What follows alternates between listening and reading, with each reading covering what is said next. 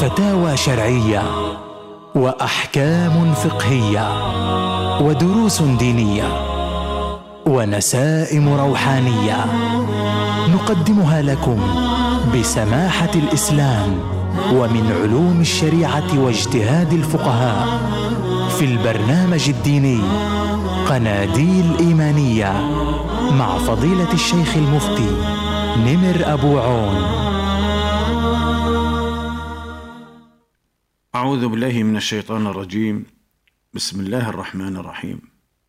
إن الحمد لله نحمده ونستعينه ونستغفره ونستهديه ونعوذ بالله من شرور أنفسنا ومن سيئات أعمالنا. من يهد الله فلا مضل له ومن يضلل فلا هادي له وأشهد أن لا إله إلا الله وحده لا شريك له وأشهد أن محمدا عبده ورسوله وصفيه وخليله. بلغ الرسالة وأدى الأمانة ونصح الأمة. وجاهد في الله حق جهاده حتى أتاه اليقين. أيها الإخوة الأحباب مستمعو راديو الشباب أهلا وسهلا بكم في برنامجكم المتجدد الأسبوعي قناديل إيمانية الذي يأتيكم كل يوم أربعاء الساعة الرابعة عصرا من إعداد وتقديم الدكتور المفتي نمر محمد أبو عون. فأهلا وسهلا بكم جميعا. وكما تعلمون أيها الإخوة الأحباب أننا على أبواب شهر رمضان المبارك. بقي عدة أيام قليلة للدخول في هذا الشهر المبارك. لذلك سنخصص هذه الحلقة التي جاءت بعنوان ما قبل رمضان. كيف ندخل إلى رمضان وكيف نستعد لرمضان حتى نخرج منه بإذن الله سبحانه وتعالى من أهل التقوى.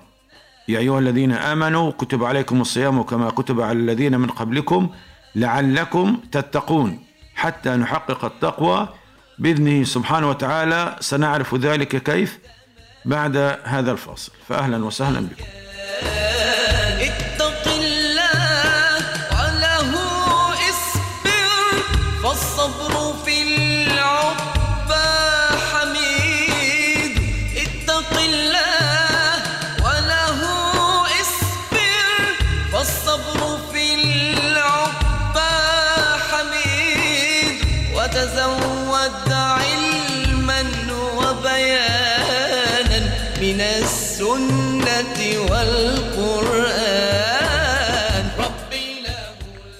أيها الإخوة الأحباب إن الأمة الإسلامية جمعاء في الأيام القليلة القادمة تستقبل ضيفا عزيزا ووافدا كريما.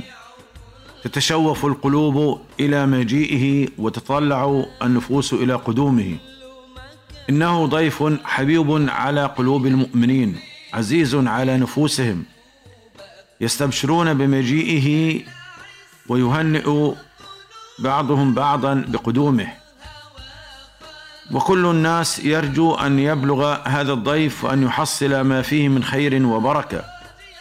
ألا وهو شهر رمضان المبارك شهر الخيرات والبركات شهر الطاعات والقربات شهر الصيام والقيام وتلاوة القرآن شهر الذكر والاستغفار والدعاء والمناجاة. شهر رمضان هو شهر الجود والسخاء والبذل والعطاء والإحسان. خصه الله جل وعلا بخصائص عظيمة. وكان النبي صلى الله عليه وسلم يبشر ويفرح بقدومه. فقال مخاطبا أصحابه الكرام أتاكم رمضان شهر مبارك فرض الله عز وجل عليكم صيامه. تفتح فيه أبواب السماء. وتغلق فيه أبواب الجحيم وتغل فيه مردة الشياطين. لله فيه ليلة خير من ألف شهر. من حرم خيرها فقد حرم.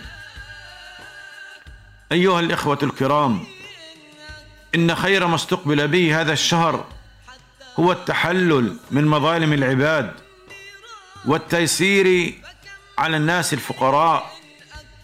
والتوبة لرب الأرض والسماء. لذلك سنتناول هذه المحاور الثلاثة في هذه الحلقة المباركة بإذنه سبحانه وتعالى.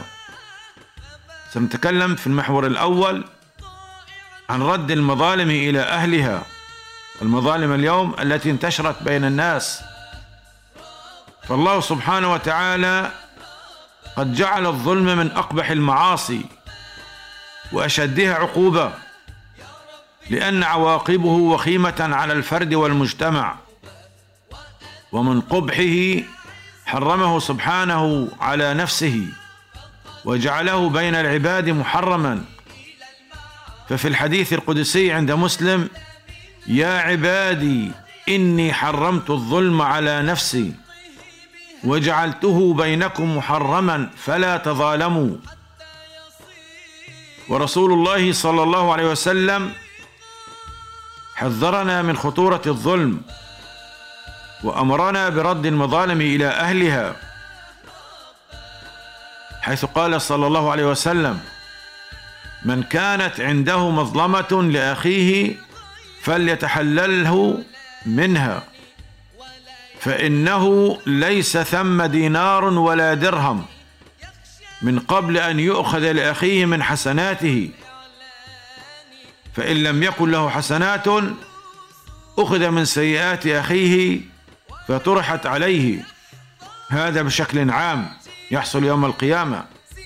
هذا التحلل من مظالم الناس ليس مقتصرا على شهر رمضان إنما يتأكد في شهر رمضان. فإذا كان يوم القيامة كان ثروة الإنسان ورأس ماله حسناته. فإذا كانت عليه مظالم للعباد فإنهم يأخذون من حسناته بقدر ما ظلمهم. فإن لم يكن له حسنات أو فنيت حسناته فإنه يؤخذ من سيئاتهم فتطرح فوق ظهره. وهذا الذي يأخذ الناس حسناته ثم يطرحون فوق ظهره بسيئاتهم هو المفلس. كما سماه الرسول صلى الله عليه وسلم حيث قال أتدرون ما المفلس؟ قالوا المفلس فينا من لا درهم له ولا متاع. يعني معروف عند الناس اللي معوش مصاري ولا عنده بيوت أو أغراض أو أي شيء. فقال النبي صلى الله عليه وسلم يريد أن يعدل المفاهيم.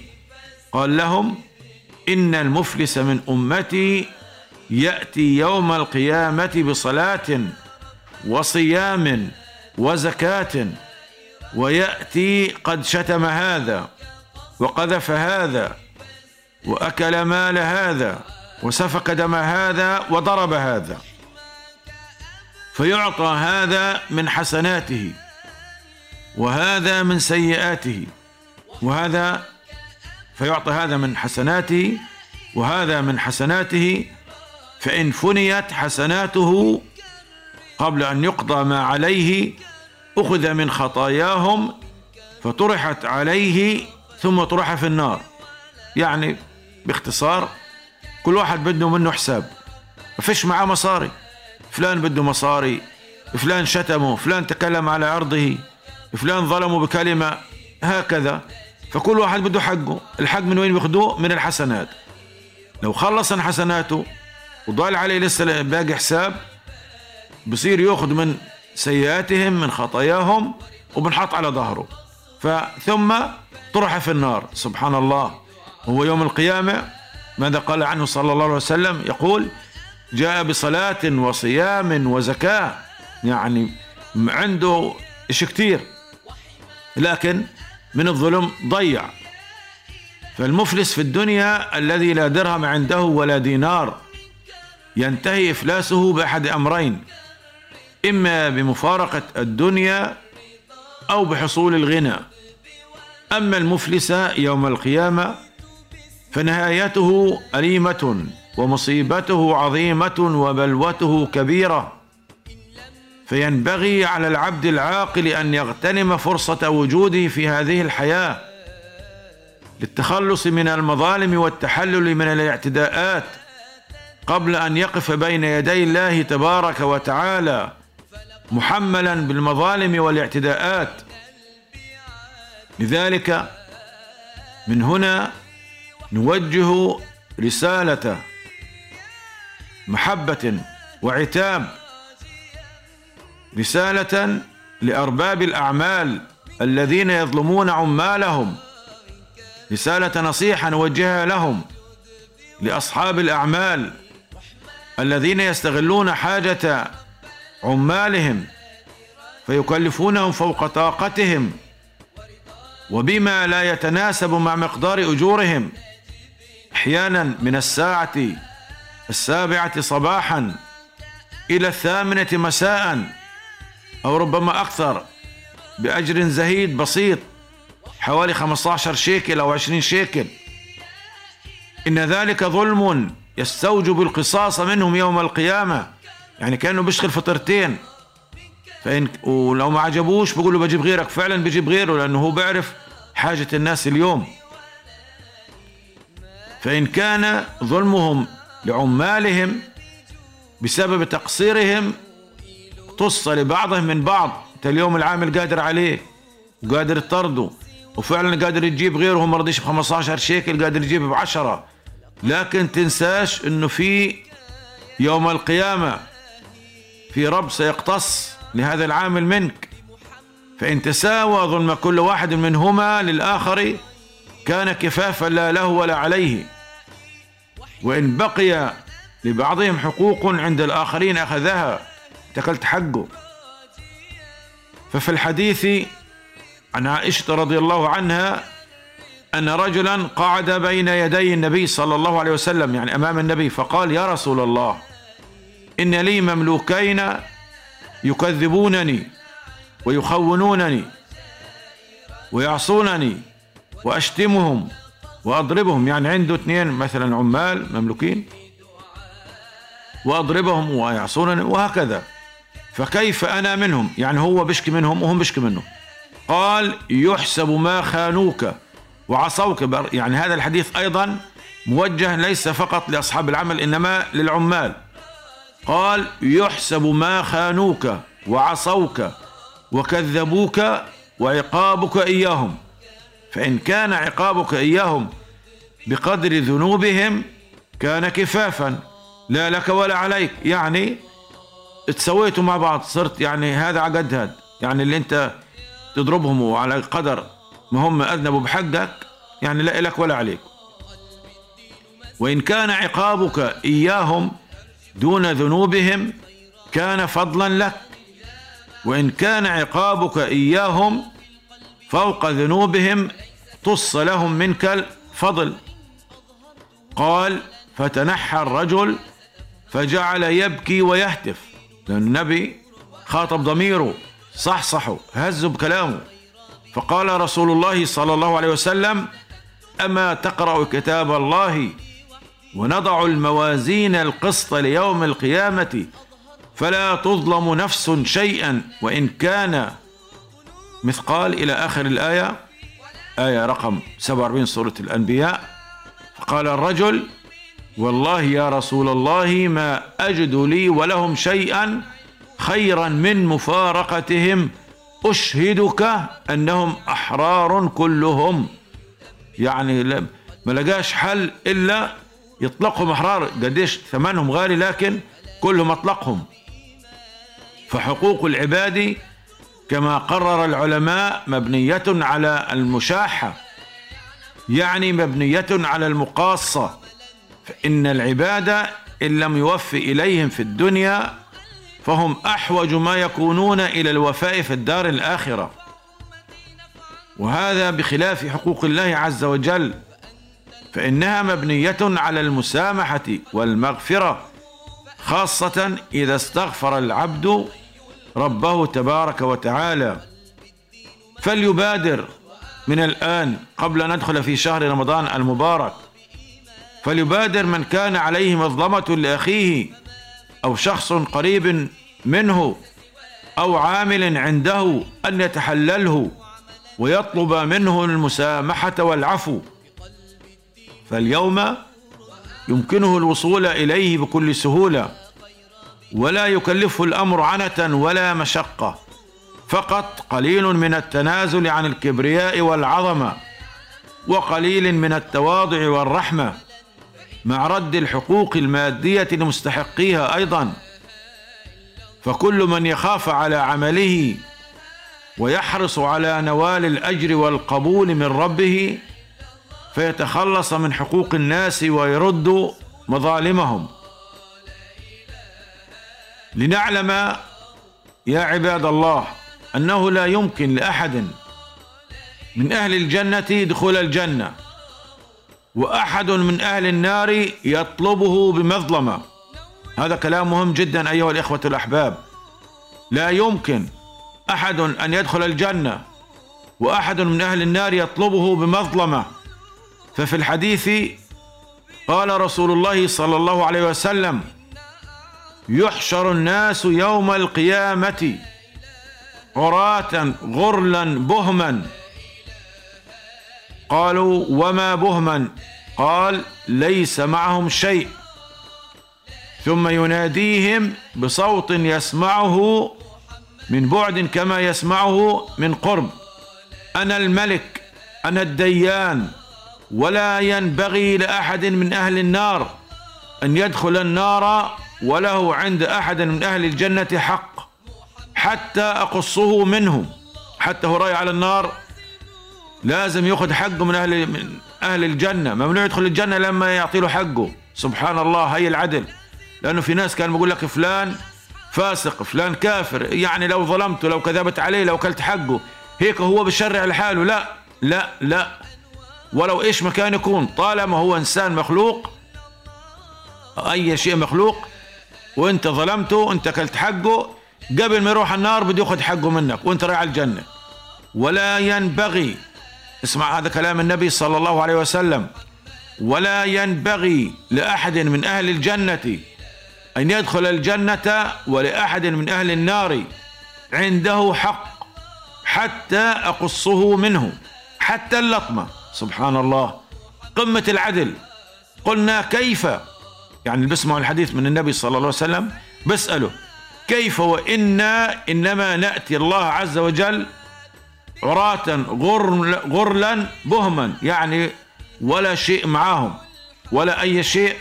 قال يعني بيسألوا يعني كيف يقتص؟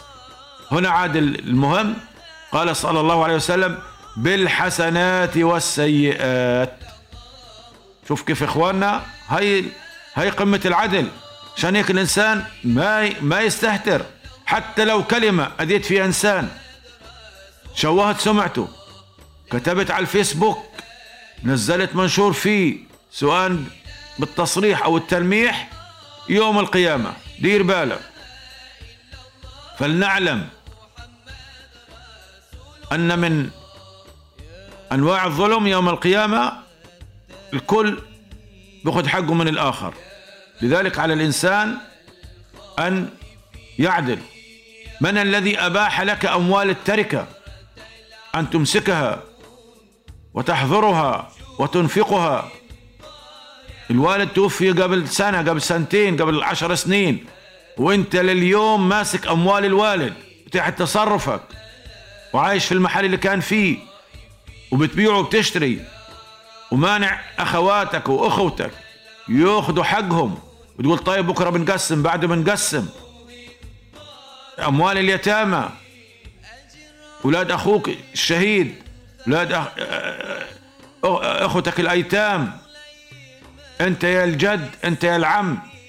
مين أعطالك تتصرف فيهم؟ مين أعطالك التاجر في أموالهم؟ لذلك النبي صلى الله عليه وسلم حذر من الاعتداء على حق المرأة واليتيم. لضعفهما الفئتين هذول ضعاف. أختك مش مسترجي تيجي تقول لك والله بدي حقي حتفوع فيها. نشوف النبي صلى الله عليه وسلم ماذا قال. اللهم إني أحرج حق الضعيفين اليتيم والمرأة. ومعنى أحرج أي أحذر من ذلك تحذيرا بليغا. وأزجر عنه زجرا اكيدا. فالنبي صلى الله عليه وسلم حرج على حق اليتيم والمرأة لأنهما لا قوة لهما ولا ملجأ إلى الله تعالى إلا به. كيف طابت لك نفسك أن تستولي على الأموال والأراضي والعقارات وتقابل إخوتك وأخواتك بالهجران والقطيعة والنكران. ويل لك فما أنت إلا شريك من الشركاء ووارث من الورثة. لك ما لهم وعليك ما عليهم. فاتق الله مولاك وتحلل من مظالم إخوتك وأخواتك. وأعط كل ذي حق حقه ومستحقه. قبل أن يحل بك الخزي والهلاك. يا هذا اسمع. اسمع بأذن قلبك. لعاقبة من اغتصب شبرا من أرض ظلما وزورا. من اقتطع شبرا من الأرض ظلما. طوقه الله إياه يوم القيامة من سبع أرضين. لذلك قبل دخول شهر رمضان المبارك علينا أن نتحلل من أموال اليتامى من أموال الأقارب الإخوة والأخوات من أي مال. شهر رمضان لا نذهب إلى صلاة التراويح. وهنا وهناك وما زال في رقابنا الكثير من مظالم الناس. نسأل الله سبحانه وتعالى أن يفرج همومنا والا يجعلنا من الظالمين. وأن يجعلنا من أهل العدل. اللهم آمين. نعيش من هذا الفاصل ثم نعود بعد قليل.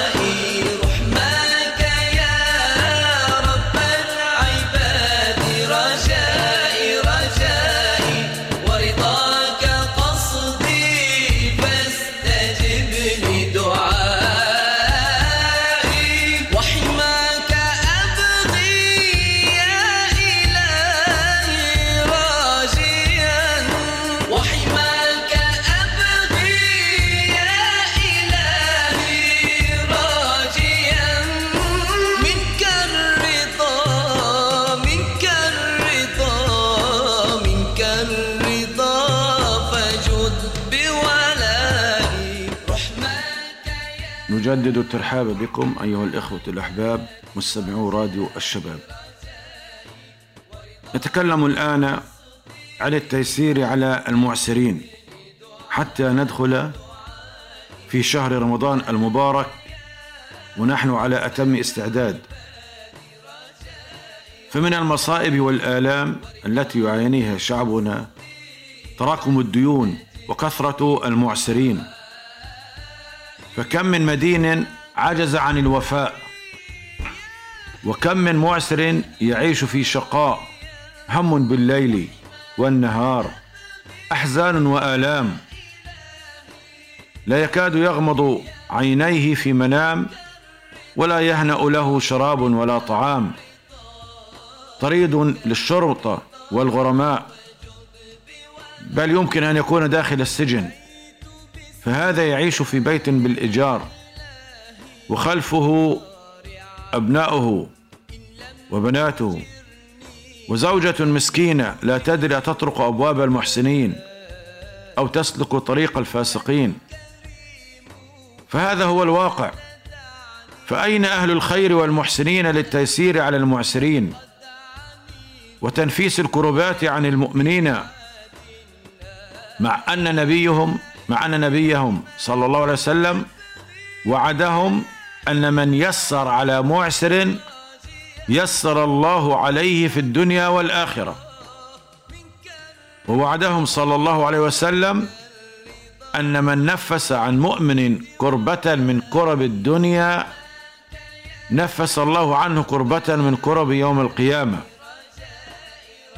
ومن يسر على معسر يسر الله عليه في الدنيا والآخرة. ومن ستر مسلما ستره الله في الدنيا والآخرة. والله في عون العبد ما كان العبد في عون أخيه. أيها الغني أيها الغني يا من تطارد غريمك اسمع لقول عبد الله بن أبي قتادة. حيث قال أن أبا قتادة طلب غريما له فتوارى عنه ثم وجده. دائما اللي بيكون الناس بدهم منه مصاري بدهم منه دين بتخبى عنهم بصير يلف من الشارع الثاني بيبعد عنهم. هذا توارى عنه. أبو قتادة بده منه مصاري تخبى منه ثم وجده. فقال إني معسر. والله ما فيش معاي مش قادر أسدك الدين. يعني مش منكر لكن مش قادر إني معسر. فقال الله قال الله يعني بحلفه يعني بحلفه إنه فعلا أنت معسر؟ قال الله فعلا حلف يمين. قال اللي هو أبو قتادة فإني سمعت رسول الله صلى الله عليه وسلم يقول من سره أن ينجيه الله من كرب يوم القيامة فلينفس عن معسر أو يضع عنه. يعني إذا أنت والله قادر ويعني قادر تستغني عن الدين اللي معاه يا بتخفف عنه تضع عنه يعني. بدك منه مثلا 100 شيكل كفي 60 70 50 حسب طاقتك. أو ممكن تنفس عنه تقول يعني خلاص روح يا ابن الحلال الله يسالك بديش. كذلك نوجه النصيحة نقول يا صاحب الدين إنك إذا كنت تعلم أن غريمك معسر ليس معه المال الذي يقضي به دينه وجب عليك أن تنظره وتمهله. وألا تطالبه بهذا الدين أقول هذا الكلام لصاحب الدين صاحب المال. وألا تطالبه بهذا الدين ولا تهدده ولا تتوعده. يعني إذا أنت يا صاحب المال صاحب الدين عارف إن الشخص اللي بدك منه مصاري مش قادر ومعوش وبيشتغلش ومتأكد من هالكلام يا عم ليش بتهدده؟ وليش كل يوم انت متصل عليه يقول له والله هاي الكمبياله معاي أو هاي الشك معاي وبدي ارفع عليك شكوى في الشرطة في المحاكم أو عند القضاء خاصة إن كنت تعرف أنه رجل فاضل.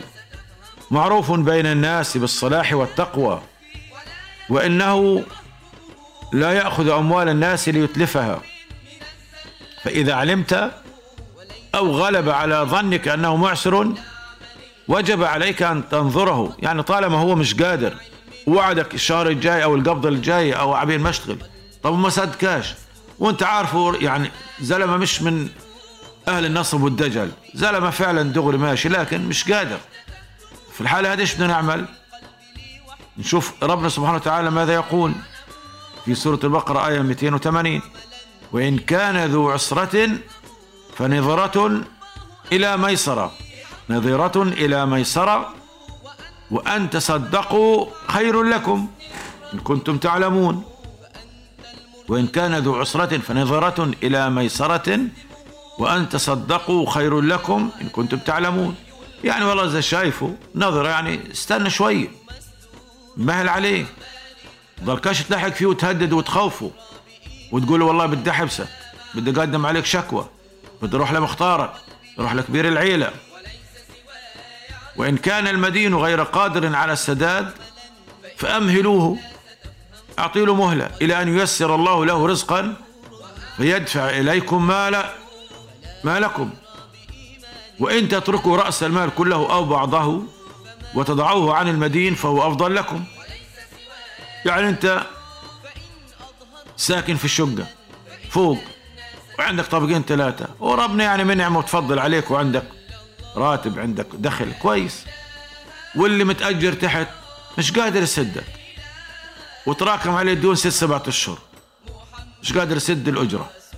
تروح تطلع من البيت وترميه في الشارع هو مرته وأولاده وبناته. طب هو بينفع في هالمطر وهالسقعة وتخليه يروح يقعد على مفترقات الطرق هان وهان ويصير فضايح. فخفف عنه. قول له مهل الشهر الجاي طالما هو أنت شايفه يعني بده يشتغل وبده يدور شغل ومش لاقي. فنقول يا أيها الغني طبعا الغني مش مقصود فيه إنه يعني غني مليونير المقصود إنه يعني قادر يعيش ومكفي حاله. نقول اعلم أن إنذار المعسر باب من الخير لا يلجه إلا مسدد موفق. فبسبب هذا الباب تنزل الرحمات وتظل بظل رب العالمين. قال رسول الله صلى الله عليه وسلم من أنذر معسرا أو وضع عنه أظله الله في ظله. الله أكبر. ماذا نريد أكثر من ذلك؟ وفي رواية أيضا أخرى عن النبي صلى الله عليه وسلم قال من أنذر معسرا انظر يعني اعطى له مدة أطول أو وضع عنه يعني سامح بالمرة أو خفف من دينه أظله الله في ظل عرشه يوم القيامة. شو بدنا أحسن من هيك. كذلك أيضا نسمع هذه الرواية من حديث بريدة الأسلمي. يقول سمعت رسول الله صلى الله عليه وسلم يقول من أنذر معسرا فله بكل يوم مثله صدقة. قال ثم سمعته يقول يعني النبي صلى الله عليه وسلم من أنذر معسرا فله بكل يوم مثليه صدقة. ثم قال من أنذر معسرا فله بكل يوم مثله صدقة. قال لا قال بكل يوم صدقة قبل أن يحل الدين. إذا حل الدين فانظره فله بكل يوم مثليه صدقة. يعني لو واحد داين مثلا واحد لمدة شهر 30 يوم له في كل يوم للشهر صدقة. طيب اجى الشهر وما سدوش. وقال له مددني مثلا شهرين. ال 30 يوم التانيين له في كل يوم صدقتين مثليه يعني مرتين. يعني أجر قاعد بيجي لك ببلاش. يقول السبكي رحمة الله تعالى عليه وزع أجره على الأيام يكثر بكثرتها ويقل بقلتها وسره ما يقاسيه المنظر من ألم الصبر مع تشوق القلب لماله. فلذلك كان ينال كل يوم عوضا جديدا.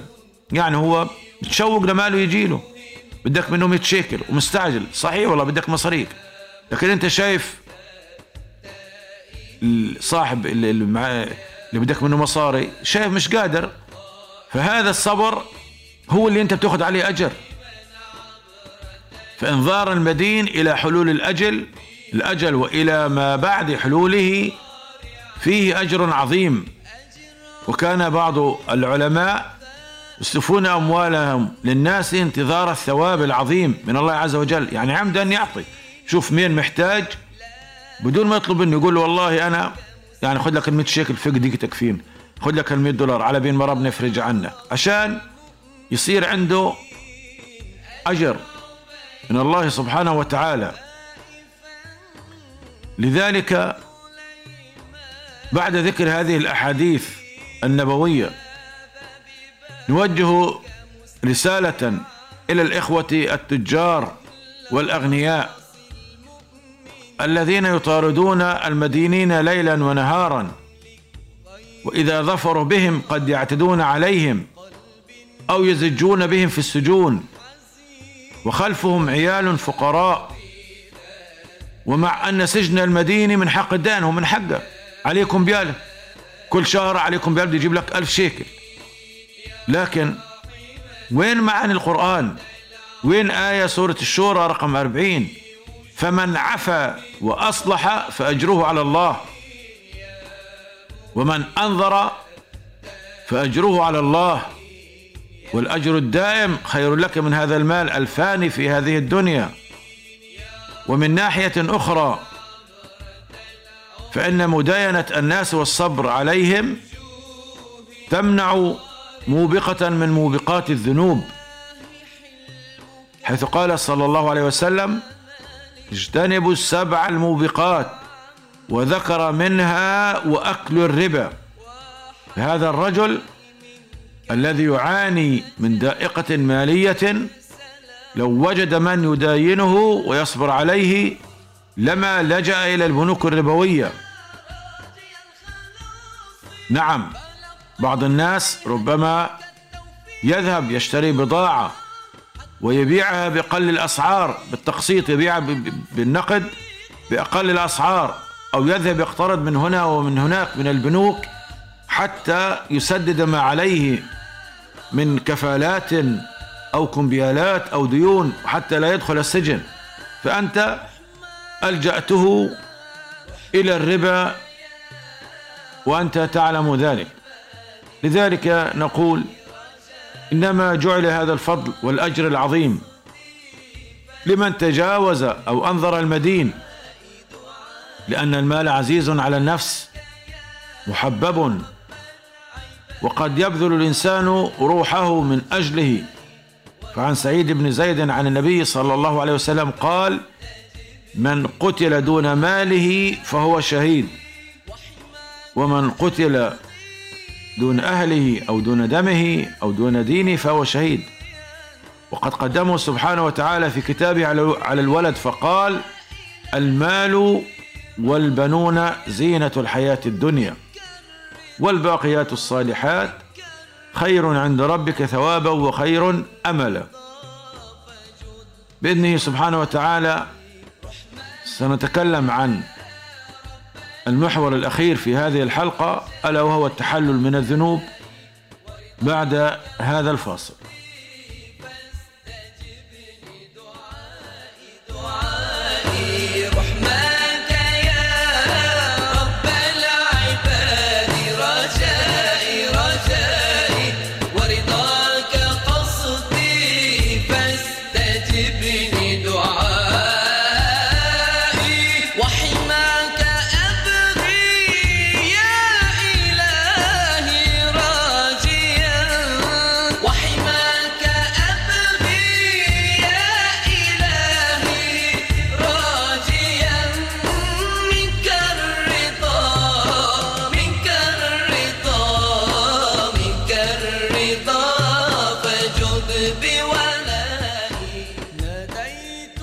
وسهلا بكم من جديد. وسارعوا إلى مغفرة من ربكم. يا عباد الله إن استقبال هذا الشهر الفضيل لا يكون بتبادل باقات الورد والزهور ولا بوضع برنامج للتنزه والرحلات ولا بتهيئة الملاعب والصالات ولا بجمع صنوف أنواع المطاعم والمشروبات والمأكولات. إن التهيؤ لهذا الشهر الكريم تهيئ للطاعة واستعداد للعبادة.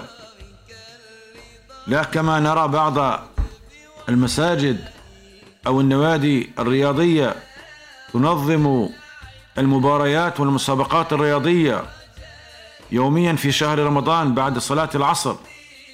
فهذا الشهر ليس موسم ليس موسم للرياضة. هذا الشهر ليس موسما للرياضة والمسابقات إنما هو استعداد للعبادة. وإقبال صادق على الله جل وعلا وتوبة نصوح من كل ذنب وخطيئة. إن شهر رمضان فرصة للإقبال على الله وموسم عظيم للتوبة.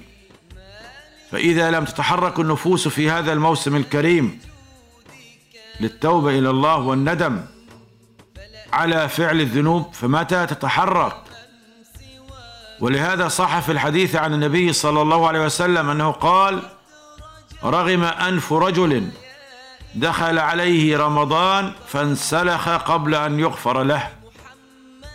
ان انتهى رمضان ولم يغفر له. هذا كناية عن الذنب التصق أنفه ووجهه بالتراب رغم أنفه. وذلك لأنه موسم عظيم للتوبة. تتحرك القلوب فيه للتوبة إلى الله والإنابة إليه والإقبال على طاعته جل وعلا. فمن رحمة الله تعالى بعباده أنه فتح لهم بابا للتوبة. لا يغلق حتى تخرج الشمس من مغربها. فعن ابن عباس رضي الله عنهما قال قالت قريش للنبي صلى الله عليه وسلم ادع لنا ربك يجعل لنا الصفا ذهبا. يعني جبل الصفا خلي ذهب. فإن أصبح ذهبا اتبعناك. فدعا ربه. فأتاه جبريل عليه السلام فقال إن ربك يقرئك السلام ويقول لك إن شئت أصبح لهم الصفا ذهبا فمن كفر منهم عذبته عذابا لا أعذبه أحدا من العالمين. وإن شئت فتحت لهم باب التوبة والرحمة. قال أي قال النبي صلى الله عليه وسلم بل باب التوبة والرحمة.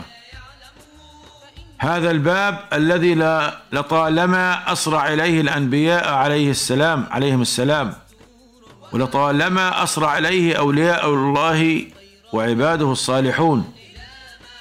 كيف لا؟ وقد علق الله تعالى الفلاح عليه فقال وتوبوا إلى الله جميعا أيها المؤمنون لعلكم تفلحون. فلا سبيل إلى الفلاح إلا بالتوبة. وهي الرجوع مما يكرهه الله ظاهرا وباطنا. الرجوع إلى ما يحبه ظاهرا وباطنا. لقد كان نبينا صلى الله عليه وسلم يحث الناس على التوبة كما جاء في صحيح مسلم. يا أيها الناس توبوا إلى الله فإني أتوب في اليوم إليه مئة مرة.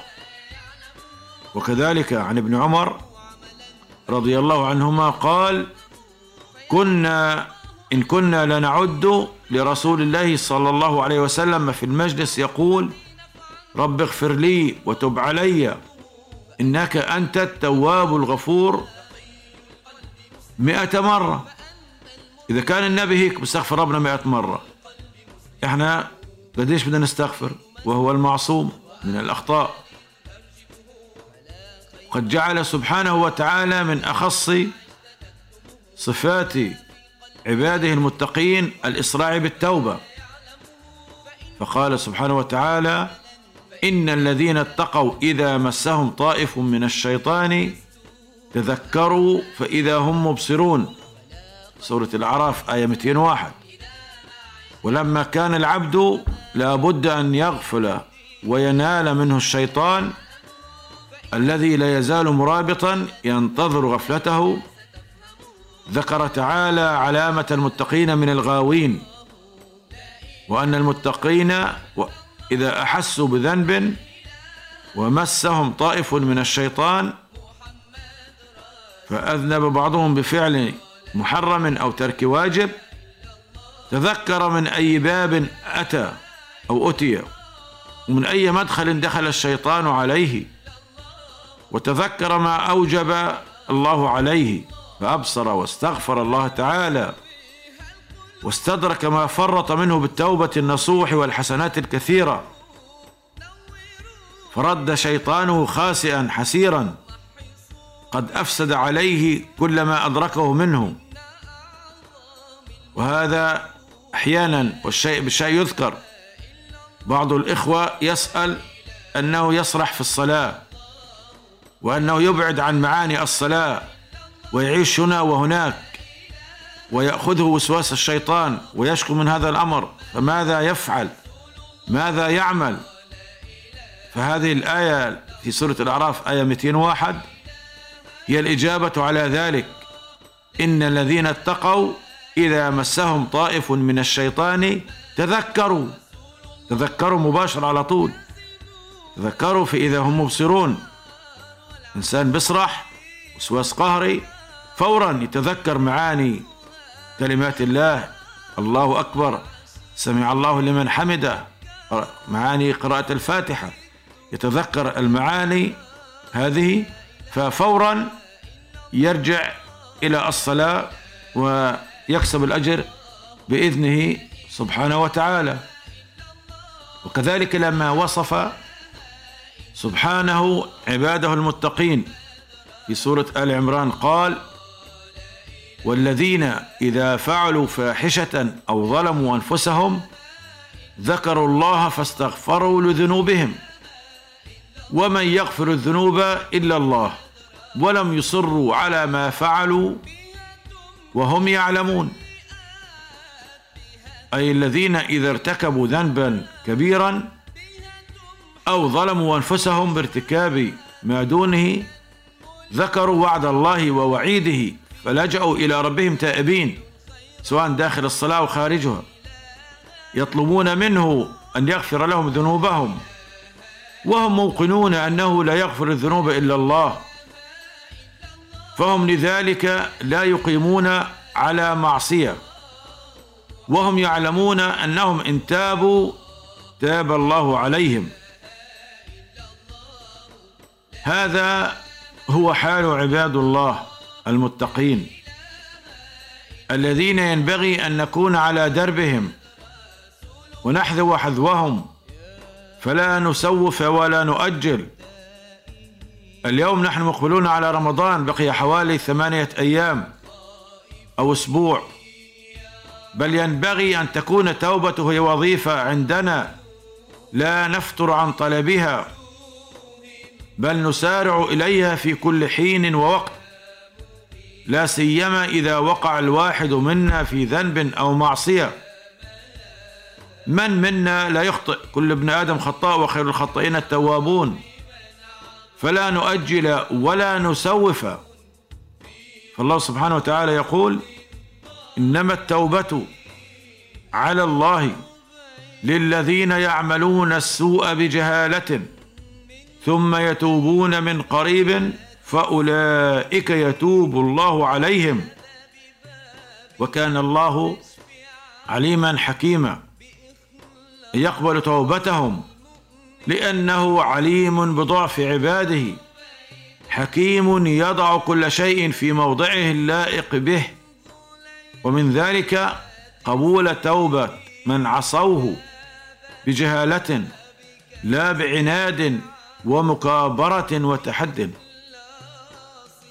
ثم تابوا من قريب لم يطيلوا مدة المعاصي ولم يسوفوا ولم ينتظروا تلك اللحظات الحاسمة التي تغلق فيها أبواب التوبة.